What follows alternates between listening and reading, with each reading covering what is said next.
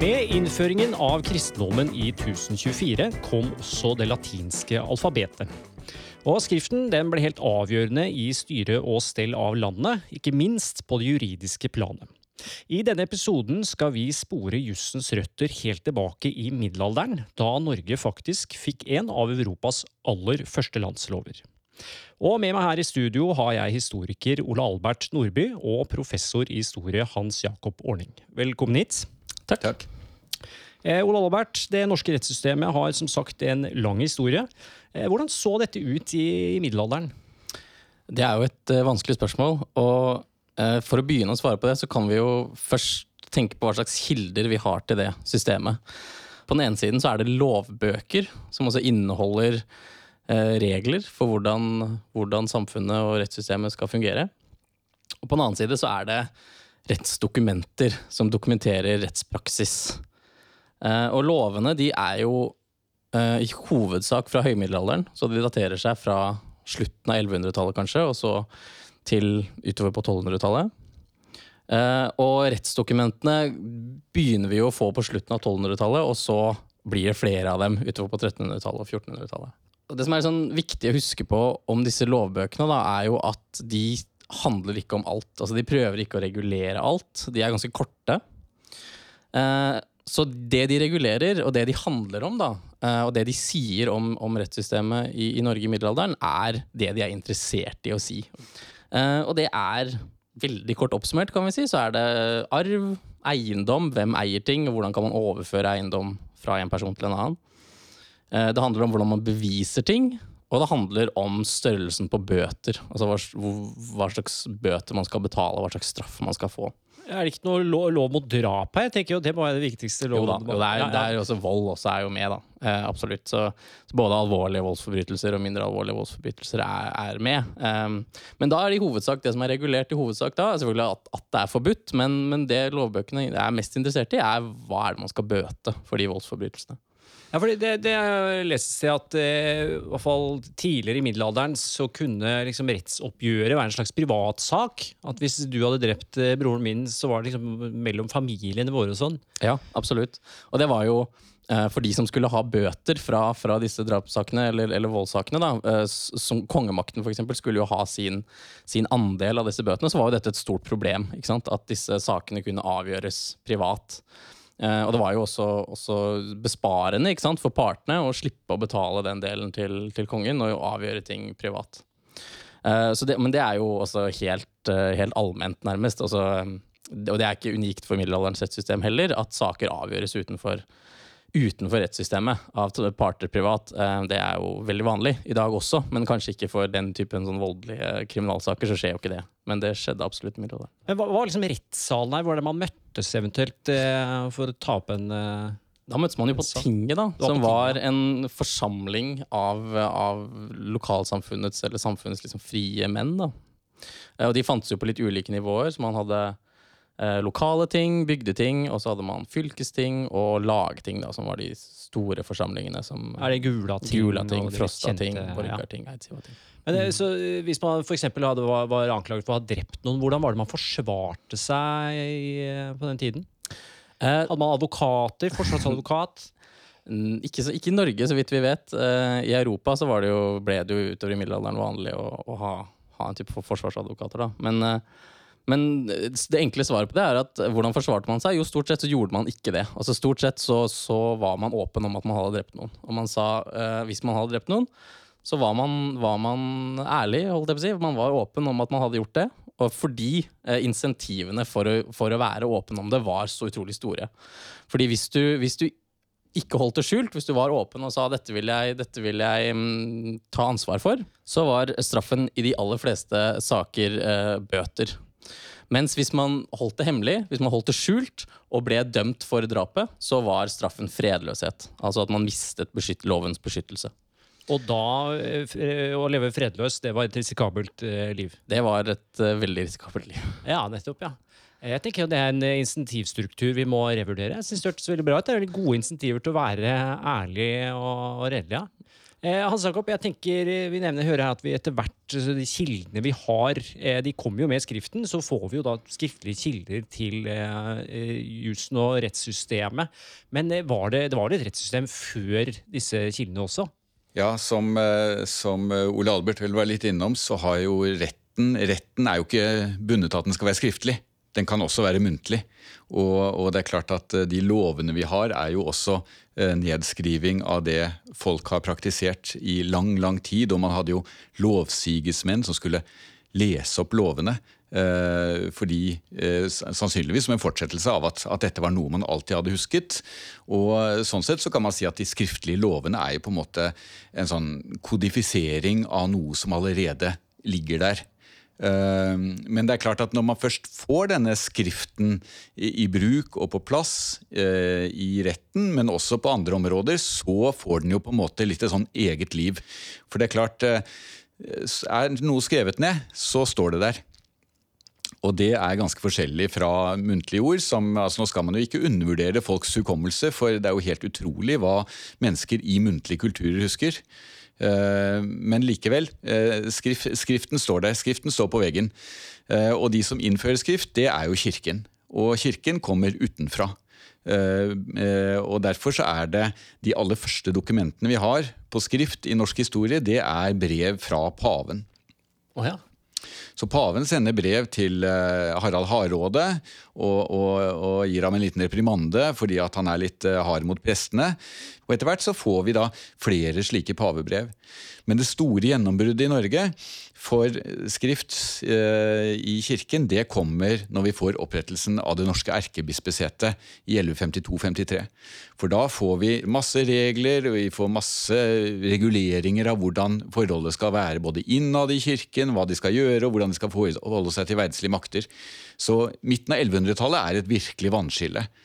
Og så kommer jo kongen på banen temmelig raskt. Bare ti år etter så får man da en tronfølgelov hvor kongen, altså rettigheten til hvem som skal bli ny konge, blir regulert skriftlig.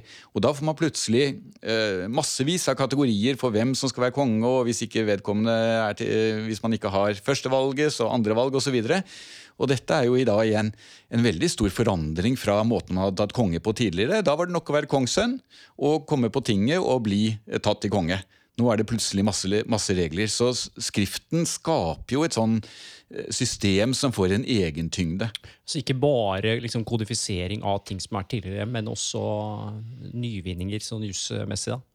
Ja, og da kanskje særlig eh, når det gjelder kirke, sånn type organisering. Eh, og selvfølgelig så får jo også Skriften en veldig stor betydning for hvordan du skal administrere et stort rike. For det er klart, Før du har Skriften, så er man avhengig av at kongen reiser rundt, at han har ombudsmenn som man kan være i jevnlig kontakt med, og det, det slutter jo aldri å eksistere. Kongen fortsetter å reise rundt, men når du får et skriftlig eh, fundament, så får du jo også en større mulighet til å, ja, til å utøve myndighet over distanse. Og som Ole Albert sa, så er det jo på slutten av 1200-tallet, og det er ganske lenge etter at Skriften er kommet til Norge, da begynner man å få eh, mer rutine på slikt. Da får man f.eks. Eh, skattmestere som skal ta imot regnskap. Man får en, en lov som sier at alle dommer skal festes i skrift osv. Så, videre. så Så da begynner man å legge mer av det funda- fundamentet for en sånn skriftlig administrasjon. Eh, Ole Albert, eh, eiendom og eiendomsskifter var utrolig viktig i dette jordbrukssamfunnet. Medførte skrift noen endringer på, innenfor eiendomsrett, eh, f.eks.? Det vi kan i hvert fall se fra de, av de brevene vi har overlevert, altså de skriftlige dokumentene som, som har noe med, med rettspraksis å gjøre, så ser vi jo at det som er aller, aller mest vanlig, altså overveldende mest vanlig, er jo dokumenter som dokumenterer eh, hvem eide noe før, hvem eier noe nå, hvem var til stede og så på at, eh, at en eiendom ble overdratt fra en person til en annen, f.eks. Og det er jo noe av den fascinerende transformasjonen av Skriften som finner sted. For, for eh, når den begynner med paven, med erkebiskopen, så er den jo virkelig et eh, instrument som man bruker ovenfra og ned for å organisere store samfunnsorganisasjoner, og for å også skape et bilde av samfunnet som er i samsvar med disse. Så da har man f.eks. Altså at det er kongen og kirken som har ansvaret for lov og rett, for at ting er som det skal, for å føre krig osv. Um, og da kunne man tenkt seg at dette her forblir et overklassefenomen som er ganske fjernt fra vanlige folk. Men som Ole Albert sier, altså, så begynner jo bøndene å bruke dette her. Det begynner å vokse. vokse altså Man skjønner at dette er noe man faktisk har, har bruk for.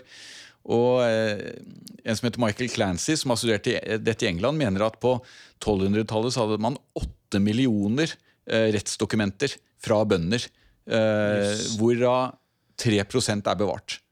Dette er veldig omstridte figurer, men, men, det sier noe om hvor utbredt det er. Og Norge er selvfølgelig mye mindre, og det kommer mye senere. Men det er klart at når vi kommer på 1300-1400-tallet, så, så, er det de som fyller opp eh, dokumentmassen vi har. Mm. Så vi har for eksempel, Nå er det jo veldig dårlig pedagogikk å vise noe i et radioprogram, men, men jeg sitter foran meg med noe som heter Regesta Norvegica, som er en fullstendig oversikt over alle diplomene i Norge. Dette første bindet det dekker 450 år med, med, rettsdokumenter. Uh, bind 2 dekker 20 år. Bind 3 dekker 20 år, og så er man videre nedover i tiårsmoduler. Ja. Så det gir jo på en måte et veldig klart innblikk i at Uh, dette er først noe som er veldig spredt og lite brukt. Veldig, veldig perifert egentlig i forhold til en diskusjon av samfunnet, men etter hvert så blir det viktig. Og det er, uh, og det er først og fremst bønder som bruker det for å dokumentere sine rettigheter til, til jord og, og, og, sine mm, transaksjoner. Og de gjør det jo fordi det er nyttig for dem. ikke sant? Altså Det er nyttig for bøndene å bruke skriften. Og det er et, det er et uh, interessant eksempel på det. Uh, vi har, vi har en, uh, en, person, da, altså en, en, prest som levde på begynnelsen av 1400-tallet, som het Øystein Tordsson. Han var prest i, i Eidsberg, og har, han var involvert i, i, tre saker som vi har overlevert, altså hvor dokumentene overleverer, eller overlever.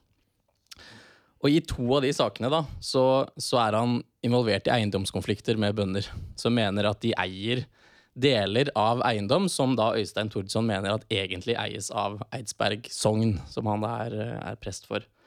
Og det som skjer i begge de sakene, er at Øystein tar med seg saken til, til biskopen i Oslo. Biskopen skal dømme, dømme, i eiendomskonflikten. Og så går Øystein til, til jordboken til biskopen og ser i jordboken at nei, her står det at Eidsberg sogn eier denne jorda. Og begge ganger så taper de bøndene den saken fordi Eh, Øystein har dette skriftfestet i, i, i uh, biskopens jordbok, og de har ikke det. Og da taper de, begge gangene. Ja, og Noe av det interessante her er jo også da at bøndene har en helt annen oppfatning av hvordan disse sakene skal løses, fordi vi gjerne at man skal konsultere gamle menn mm. om dette. Ja. Og få muntlig eh, vitnesbyrd om dette, og mener at det er det som er avgjørende. Og så får du da eh, konfrontasjonen med Skriften. Og det er klart, her, her taper jo bøndene så det synger, men For vitner har de. De Vitner har de, men ikke, har de. ikke, bøker. Mm. Og Det sier jo noe også om at, eh, at dette er, er, en konkurranse om troverdighet. Mm. Hva er det som skal veie tyngst? Er det det skriftlige eller er det det muntlige? Og det, det, det avgjøres jo ikke over natta. Jeg tenker vi må eh, deale med denne her landsloven. Ja. Den eh, sagnomsuste Lagabøtes landslov. Når var det den kom, og hva var det som var nytt med at vi fikk en landslov? Eh, ja, Magnus Lagabøtes landslov den ble jo utstedt på eh, Den ble utstedt på lagtingene, altså de store tingene i, i Norge. Eh, først i, på Gulating, tror jeg, i 1274.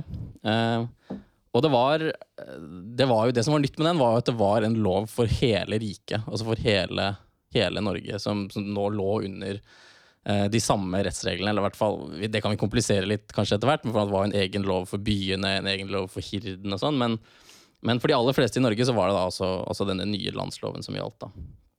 Men jeg tror det er viktig å huske når vi snakker om landsloven, ettersom du sier som du sier, da, så er den veldig myteomspunnet. da.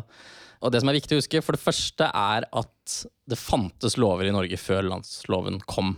Altså Norge var ikke noe lovløst eller uregulert samfunn før det. Eh, jeg har nevnt at, at eh, vi hadde sånne lagting i Norge. Sånne ting, store regionale ting. Og de hadde sine egne lover.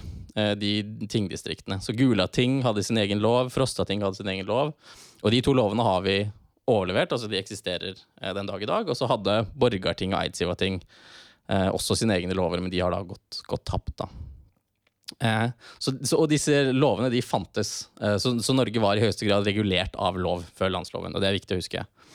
Eh, også En annen ting som er viktig å huske, er at landsloven er ikke 100 ny. Altså Noen av reglene og noen av noe av innholdet i landsloven er nytt, men den tar veldig mye av innholdet sitt fra disse eksisterende lovene.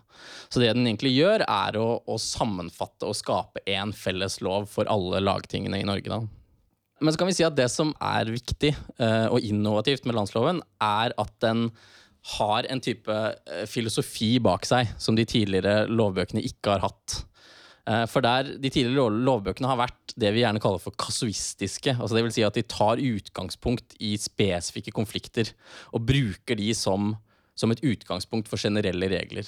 Mens det landsloven gjør, er jo sånn, et forsøk på en mer sånn helhetlig kongelig lovgivning. Altså at kongen eh, skaper en, og sier eh, at dette er nå loven. Kongen tar kontroll over lovgivningen, på en måte. Som tidligere har ligget mer hos tingene, da, idet de avgjør saker. Driver med den praksisen som de gjør. Så det landsloven gjør, er å, å, å lage lov, på et vis. da. Uh, og, og, det er en litt sånn annen tilnærming, fordi det er en måte å forme samfunnet på. Forme um, fremtiden på, på en måte som den kasuistiske lovgivningen uh, ikke nødvendigvis er. da. Og så har landsloven også tar mye inspirasjon fra romerrett, f.eks., som også er Romerrikets um, Romerrikets lovgivning, som man gjenoppdaget i denne perioden i middelalderen, på 1100- og 1200-tallet, som, som landsloven inspireres av. da. Og det kanskje viktigste den lar seg inspirere av der, er denne ideen om at kongen skal gi lov. Altså Det er noe en konge gjør, på samme måte som at en konge fører krig, så skal en konge eh, lage lover. da. Eh, altså Jakob, jeg tenker på, eh, I forrige episode snakket vi om liksom, kongen måtte drive med litt sånn eh, indirekte styre eller avhengig av reise rundt og ha god gunst. og sånn. Er dette det at kongen nå kan utstette liksom, lov for hele landet, er det en refleksjon av at kongen har fått en mye mer sentral makt i, i landet? Både ja og nei, tror jeg. Jeg tror nok at uh, på mange måter så reflekterer det en, at det har skjedd en statsutvikling eh, i Norge, og at man også har fått en type ideologisk tankegods eh, fra, fra romerrett og kanonisk rett som, som, stiller kongen i en helt annen posisjon enn den han har hatt tidligere. Kanonisk rett er det kirkerettsdømme? Ja. ja. Mm. Men det som, eh, hvis man skal gå litt mer eh, materialistisk til verks og spørre eh, har eh, forutsetningene for kongemakten forandret seg vesentlig eh, på slutten av 1200-tallet, så blir svaret mer tvilende, i hvert fall. For hvis du ser på kongedømmet og dets institusjoner, så, så har jo kongen kanskje 300 mann som er på en måte kongsmenn.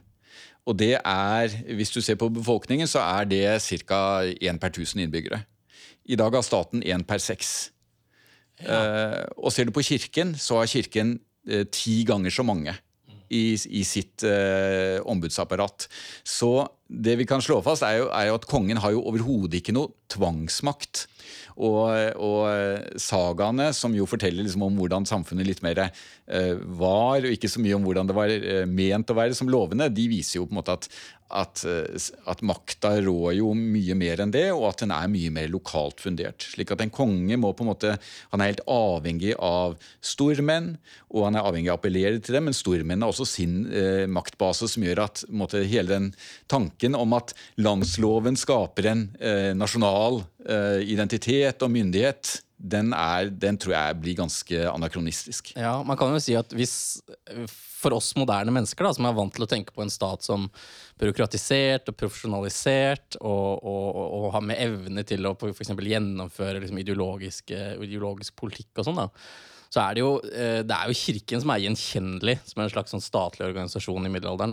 Og, og, Kirken er internasjonal. Altså, Den katolske kirkes uh, institusjonelle organisering i middelalderen er egentlig veldig imponerende. Så den strekker seg over mesteparten av Europa, og, og, det er korrespondanse mellom norske biskoper og paven, som vi nevnte innledningsvis. Og, og sånn. Så, I tillegg til at Kirken jo styrer på en måte de viktige spørsmålene om, om liv og død. altså Hva som er eh, geistlige saker, er jo helt annerledes enn det, enn det vi tror det er. Det er eh, så, så, Kirken har også det er, de som, det er de som har hånd om det evige liv, og det er som, som kjent ganske mye lenger enn det jordiske.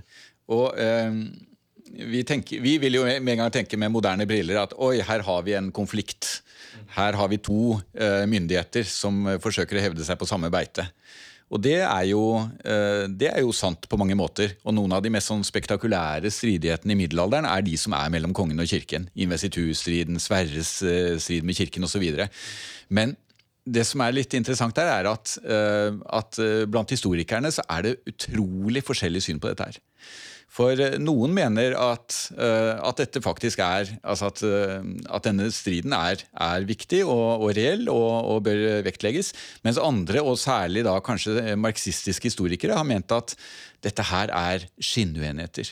Eh, kongen og kirken har så mye til felles at disse grensedragningene det er egentlig bare et spill for galleriet. For det de egentlig har til felles, er at de ønsker en type samfunn hvor, hvor de sitter med kontrollen til, eh, til, både helvete og himmelen, men også til jurisdiksjon, og at de, at de, kan få mest mulig ut av bøndene ved å være alliert på den måten. Og Det er jo det vi ser altså i de tidlige dokumentene. Jeg nevnte at kirken kommer inn i 1152. I 1163 så slår de seg sammen med kongedømmet, og da får de på en måte en helt ny samfunnsvisjon enn det man hadde hatt tidligere. Og den er jo rettet mot disse bøndene som går litt inn og ut, som syns at det er greit å å drepe hverandre hvis det er gjort som hevn. Hvor, hvor, et, et, eh, hvor, det viktige er ikke om du dreper eller ikke, men hvorvidt det er gjort åpent eller skjult. At det er en mye viktigere distinksjon. Og hvor f.eks. begrepet for vold, vald, betyr makt slik at en valdsmader i middelalderen er en mektig mann. Og Det sier jo også noe om at måte, legitimiteten her er en helt annen hos uh, vanlige folk. Uh, voldsutøvelse er helt greit i gitte fall, fordi det er det som definerer deg selv som, som person, at du har rett til å gjøre det. Mm. Uh, og da blir kontrasten til staten og kirken som vil monopolisere dette. Og da blir denne kampen ikke bare liksom en rettsstat versus anarki, men rett og slett en kamp mellom to veldig forskjellige oppfatninger av samfunnet. Mm. hva det skal være. Og hvem er, hvem er kirken og kongemakten? Det er jo de samme personene i veldig stor grad. Altså er, de er fra de samme familiene, det er kanskje yngre sønner som er i kirken, mens de eldre sønnene er konger eller, eller stormenn. ikke sant? Så det er jo, denne eliten er jo også Kirken er også eliten. Og vi må huske på det at den, den verdslige eliten i Norge eh, produserer jo eh, kandidater til, til den katolske kirkens eh, maktapparat også. Ja, nettopp, ja. Eh, ja, jeg tenker Med skriften så var det jo ikke bare lovverk vi fikk, men det kom jo også både geistlig og verdslig eh, litteratur. Hva var bestselgere i middelalderen? Ja, jeg, jeg tenker sånn at vi Um, mye av det som vi tenker på som på en måte eh, de viktigste produktene av, av uh, middelalderens skriftkultur. Da. Liksom mange tenker på Snorre, for eksempel. Uh, Njål-saga på Island, som holdes opp som et sånn, sånn uh, verdens bidrag til verdenslitteraturen, og det er det jo. men vi må huske også på at, at, mange av disse verkene, da, som disse litterære verkene, de overlever jo i veldig mange færre manuskripter, altså håndskrifter. Uh, enn det som på en måte er de mest populære eh, bøkene. Da. Så lovmanuskriptet for eksempel, er det masse av. Altså mange, titalls, og det er mange også, til å være middelaldermanuskripter. Og religiøs litteratur. Masse. Eh, salmebøker, for eksempel, er vel det som det er aller mest av. Eh, oh, ja. så vidt jeg vet, Eller i hvert fall noe av det det er aller mest av. Eh, så det er jo det som er bestselgerne. Altså det som er litt sånn kjedelig. Det er det det er mest av. og så kan vi også tilføye der eh, at, uh, at, blant sagaene, som Ole Albert sier, altså, vi, vi, tenker jo gjerne på de opphøyde, og islendingesagaen er, jo, eh, er jo liksom eh, Shakespeare i Norden. ikke sant? Men, men det som virkelig har mange manuskripter der, det er det vi kaller fornaldersagaer, eller fornsagaer Suderlanda. Og dette er en betegnelse på, altså på ganske sånn kioskmessig litteratur. Eh, litt sånn, eh, litt sånn, Harry Potter, Game of Thrones i, i, middelalderen, med mye sånn magi og overnaturlige greier, med helter som flyr på tepper, og, og eh, møykonger som klarer å motstå friere før de blir ydmyket, osv. Altså virkelig eh, sjablongmessig litteratur som, som er som dårlig smak. antagelig slik det alltid har vært. men hvis man tar et av disse manuskriptene da, og, og se på de. Og da er det ofte sånn derre tjukke bøker. Veldig, veldig, små kalvskinn, fordi man har ikke råd til de store, for de skal liksom brukes til flatøyerbok, og de er store, flotte. De er små, og så er de helt fylt av røyk. De er helt brune fordi at de har vært så mye framme. Og så er det bitte små, eh, så liten skrift og masse forkortelser. Og så er det da historier om Samson den fagre som var i en skog i Bretagne og skulle gifte seg med Valentina, så plutselig forsvinner Valentina, og så finner han henne i en foss som en dverg kontrollerer, og inni der er en trollkvinne, og så må han inn der, og så lukkes porten, og så blir han død, og så kommer de og leter etter ham etter tre år, så finner de ham igjen. Det, altså, Dette her er vidunderlig historie, spør du meg. Ikke jeg synes det hørtes veldig underholdende ut. Men er det da, eh, når det er skrevet med liten skrift sånn, eh, det er skrevet på norrønt? Ja. Men det er jo ikke rune. altså Det er latinsk Altså, de bruker latinske skriftspråket, men skriver på norrønt. Mm. Ja, ja. ja. altså Latinske skriftspråket er jo det. Eh, bokstaven er jo det man bruker ja. overalt. Og så har man noen, eh, noen norrøne tegn, og så skriver man veldig veldig smått fordi, eh, fordi kalkskinn er veldig, veldig dyrt. Ja. Og runer skriver man ikke i bøker, med ett eneste unntak, tror jeg. Men, Men i, ja. de geistlige tekstene og sånn, der er, skriver de og leser også på latin. Nei, de blir også oversatt til norrønt veldig mye. Nei, man har oversettelser av de historiske eh, bøkene i Bibelen, f.eks. Blir oversatt til, til norrønt. Uh, og så er det jo helgenfortellinger, f.eks. Veldig populært. Uh, blir oversatt til norrønt. Uh, sagaer skrives om Maria. Men helgenfortellingene de gikk ganske greit inn i liksom, saga fortellerkulturen sånn sett, eller? Ja, og, og, det er vel, man kan vel kanskje til og med si at sagakulturen på en eller annen måte eh, inspireres av eh, eh, helgenfortellingene. Så det er jo ikke så mye at, at helgenfortellingene passer inn i sagakulturen, som at kanskje sagakulturen på en kanskje da springer ut også til en viss grad av helgenfortellingene. Men Det er noe langreist litteratur her også. Jeg hørte om en eller annen fyr som skal ha hatt en bok fra Cicero i, i bokhylla si. Cicero var jo stor. Altså eh, Cicero, eh, Lucan eh, Mange av de, mange av de, av de romerske forfatterne var, var, var store. Og det, dette handler jo også veldig mye om at det er en, det er en geistlig kultur. Mange av, altså Etter hvert når man får norske biskoper på 1100-tallet, så reiser de ofte til Paris, til Lincoln, til utlandet for å bli for å få sin utdannelse. Og da, så, så på, på mange vis så er jo denne kulturen mye mer internasjonal enn den som vokser fram i, i 100-årene etter, etter, middelalderen, hvor den jo blir mye mer nasjonalt orientert. Her har vi en eh, både språkmessig, men også idémessig en kultur som er utrolig kosmopolitisk. Ja, Kanskje til og med mer enn i dag, vil man kunne mene. Altså, eliten er utdannet i Europa og deler. Eh, det er et felles europeisk språk, et felles europeisk eh, tanke, tankesett. Og et, et, annet sånn interessant eller morsomt eksempel da, på, på, hvordan denne, disse bøkene og denne kunnskapen har langreist, er jo en, et manuskript, altså en, en spesifikk bok da, som heter Hauks bok, som har tilhørt eh, en islandsk stormann som flyttet til Norge og ble lagmann i Gulating. Eh, Hauk Erlendsson het han. Og i den boka den inneholder masse forskjellig. Den inneholder teologiske verker, den inneholder eh, Vålespå, som er et eh, dikt, og den inneholder Uh, inneholder veldig mye forskjellig, men en ting, av de tingene den inneholder, er noe som kalles for algorismus. Som er innføringen, eller en forklaring egentlig, på det arabiske tallsystemet.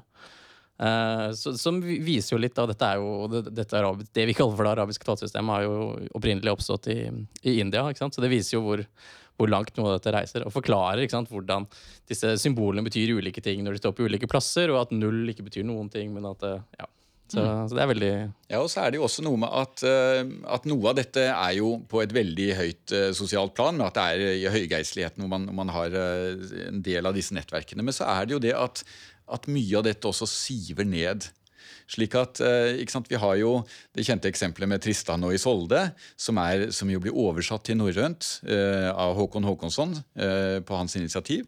Og så siver det ned, slik at på Island så skriver man 100 år etter så skriver man en ny versjon av denne sagaen.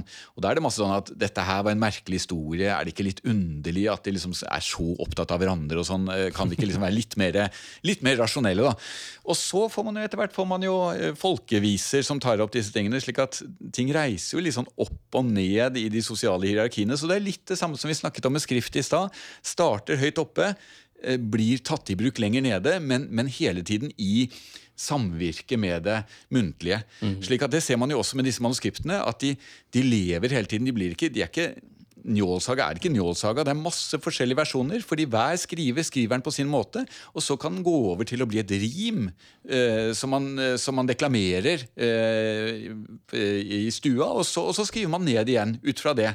Slik at alle disse her sjangerne er jo på en måte levende organismer som hele tiden reflekterer det samfunnet som de er en del av. Mm. Det høres ut som en veldig livlig skriftkultur, men jeg leser Steans, Jakob, hvor du skriver at, at, det å produsere bøker var så dyrt at jeg siterer, et sikkert tegn på kong Sigurd Jordsalfars galskap var at han kastet en bok i peisen. Eh, hvor, akkurat hvor ressurskrevende var det å skrive en eh, bok? Bøker er kjempedyre, fordi de skrives jo ikke på papir. Eh, papiret kommer først eh, på, i senmiddelalderen og blir tatt i bruk egentlig først på 1500-1600-tallet. Man skriver på kalvskinn. Eh, og da må man ha kalver. Og noen av disse største manuskriptene, f.eks. Den, den største og flotteste sagaen, som heter Flatøyarbok, som jo er blitt oversatt nå til, til norsk i fem bind, tror jeg det er, den krever 113 kalvskinn. Ja. og det er, det er verdien av mange gårder, det. Så, så, vi snakker store verdier. Og så har man jo også det at, at disse bøkene blir jo skrevet av, spesiell, av spesialiserte skrivere som, har, eh, som ut, utsmykker dem på helt fantastiske måter. Så, så, det er klart dette her er kjempeskatter som er masse verdt. Og man har til og med mirakelberetninger som handler om bøker. altså Det er en som handler om Domenicus, hvor han, eh, hvor han mister en bok i vannet. Og så kommer det en fisker tre dager etter og har, har, klart å fiske opp boka. Han trodde det var en stor fisk, men det var denne boka. Og dette her regnes som et av Domenicus' mirakler, at han klarer å få, få, tak i denne boka igjen. Og dette er jo disse store, fantastiske bøkene som vi kjenner. ikke sant? Book of Kells og disse her illuminerte. Men så har man jo også, da, sånn som vi snakket om i stad, disse, disse her hverdagsbøkene og, og noen gårder, f.eks. jeg har studert et miljø på Island, en gård med 20 personer, hvor man har hvor man laget syv slike svære manuskripter med Oi. bøker. Eh, så, så, man satte ned mye ressurser i det, men dette her er ikke praktbøker. Dette her er bruksbøker. Mm. mm. Og Det er ofte veldig tydelig også, hvis man ser på bilder av, av ulike manuskripter, at noen av de er for, eh, for øye, og noen av de er for, ja, for så vidt også for øye, men for å brukes. da, Altså for å brukes fra dag til dag. Og det, Sånn er det også med Um, med, med, manuskripter av, av, lovbøker, som kanskje de jeg kjenner best, da, så er det tydelig skille mellom f.eks. Eh, F.eks. Eh, Codex Hardenbergianus, som, som jo nå er utstilt på, på Nasjonalbiblioteket. Og som det var mye, mye, snakk om da det ble, kom til Norge. Men det er jo ikke et typisk manuskript av, av Magnus Lagerbøttes landslov. Det er jo en, en outlier. Altså De vanligste manuskriptene er eh, halvparten så store. Og, eller en kvartparten så store, kanskje. Og de er skrevet raskere, de bruker større del av siden, de er ikke illustrerte. Men så er det jo tilsvarende interessante, da, fordi vi vet at folk har brukt de og notert ting i margen. og det er jo noe av det fantastiske med disse, disse manuskriptene, at vi vet at de er på en måte unike. De er skrevet av én person, og de kan være brukt av 100 personer, og hver har satt sitt, sitt merke på de. Mm. Og Noen av disse lovmanuskriptene har jo sånne marginaler, tegninger i margen, som er helt, helt uh, fantastiske. Altså Det er uh, ja, til og med obskøne tegninger. Og jeg tenker jo litt er det at vi, vi har det litt opphøyde bildet av, uh, av Hardenbergianus, dette manuskriptet, og liksom loven. Men, men, hvis du ser liksom en lov med en, med en ståpikk, det, det, er ikke, det er ikke helt samme assosiasjoner altså, å putte den i Nasjonalbiblioteket. Men er det noen som har liksom bare tagga litt på tull i boka? ja, litt sånn etter hvert? Ja, ja, ja. Liksom? Det er kjempevanlig. Og det er jo, dette er jo folk som bruker hele karrieren sin på å studere sånne marginaler. Altså, skrive, skrive initialer, tegne hodet til noen. Uh, tegne, jeg så et eksempel noen som hadde tegnet skylinen i London på bunnen av en sånn bok. Uh, anno 1450 eller noe sånt cirka. Og som Hans Jakob sier, altså, det er peniser overalt. Overalt. oh, ja.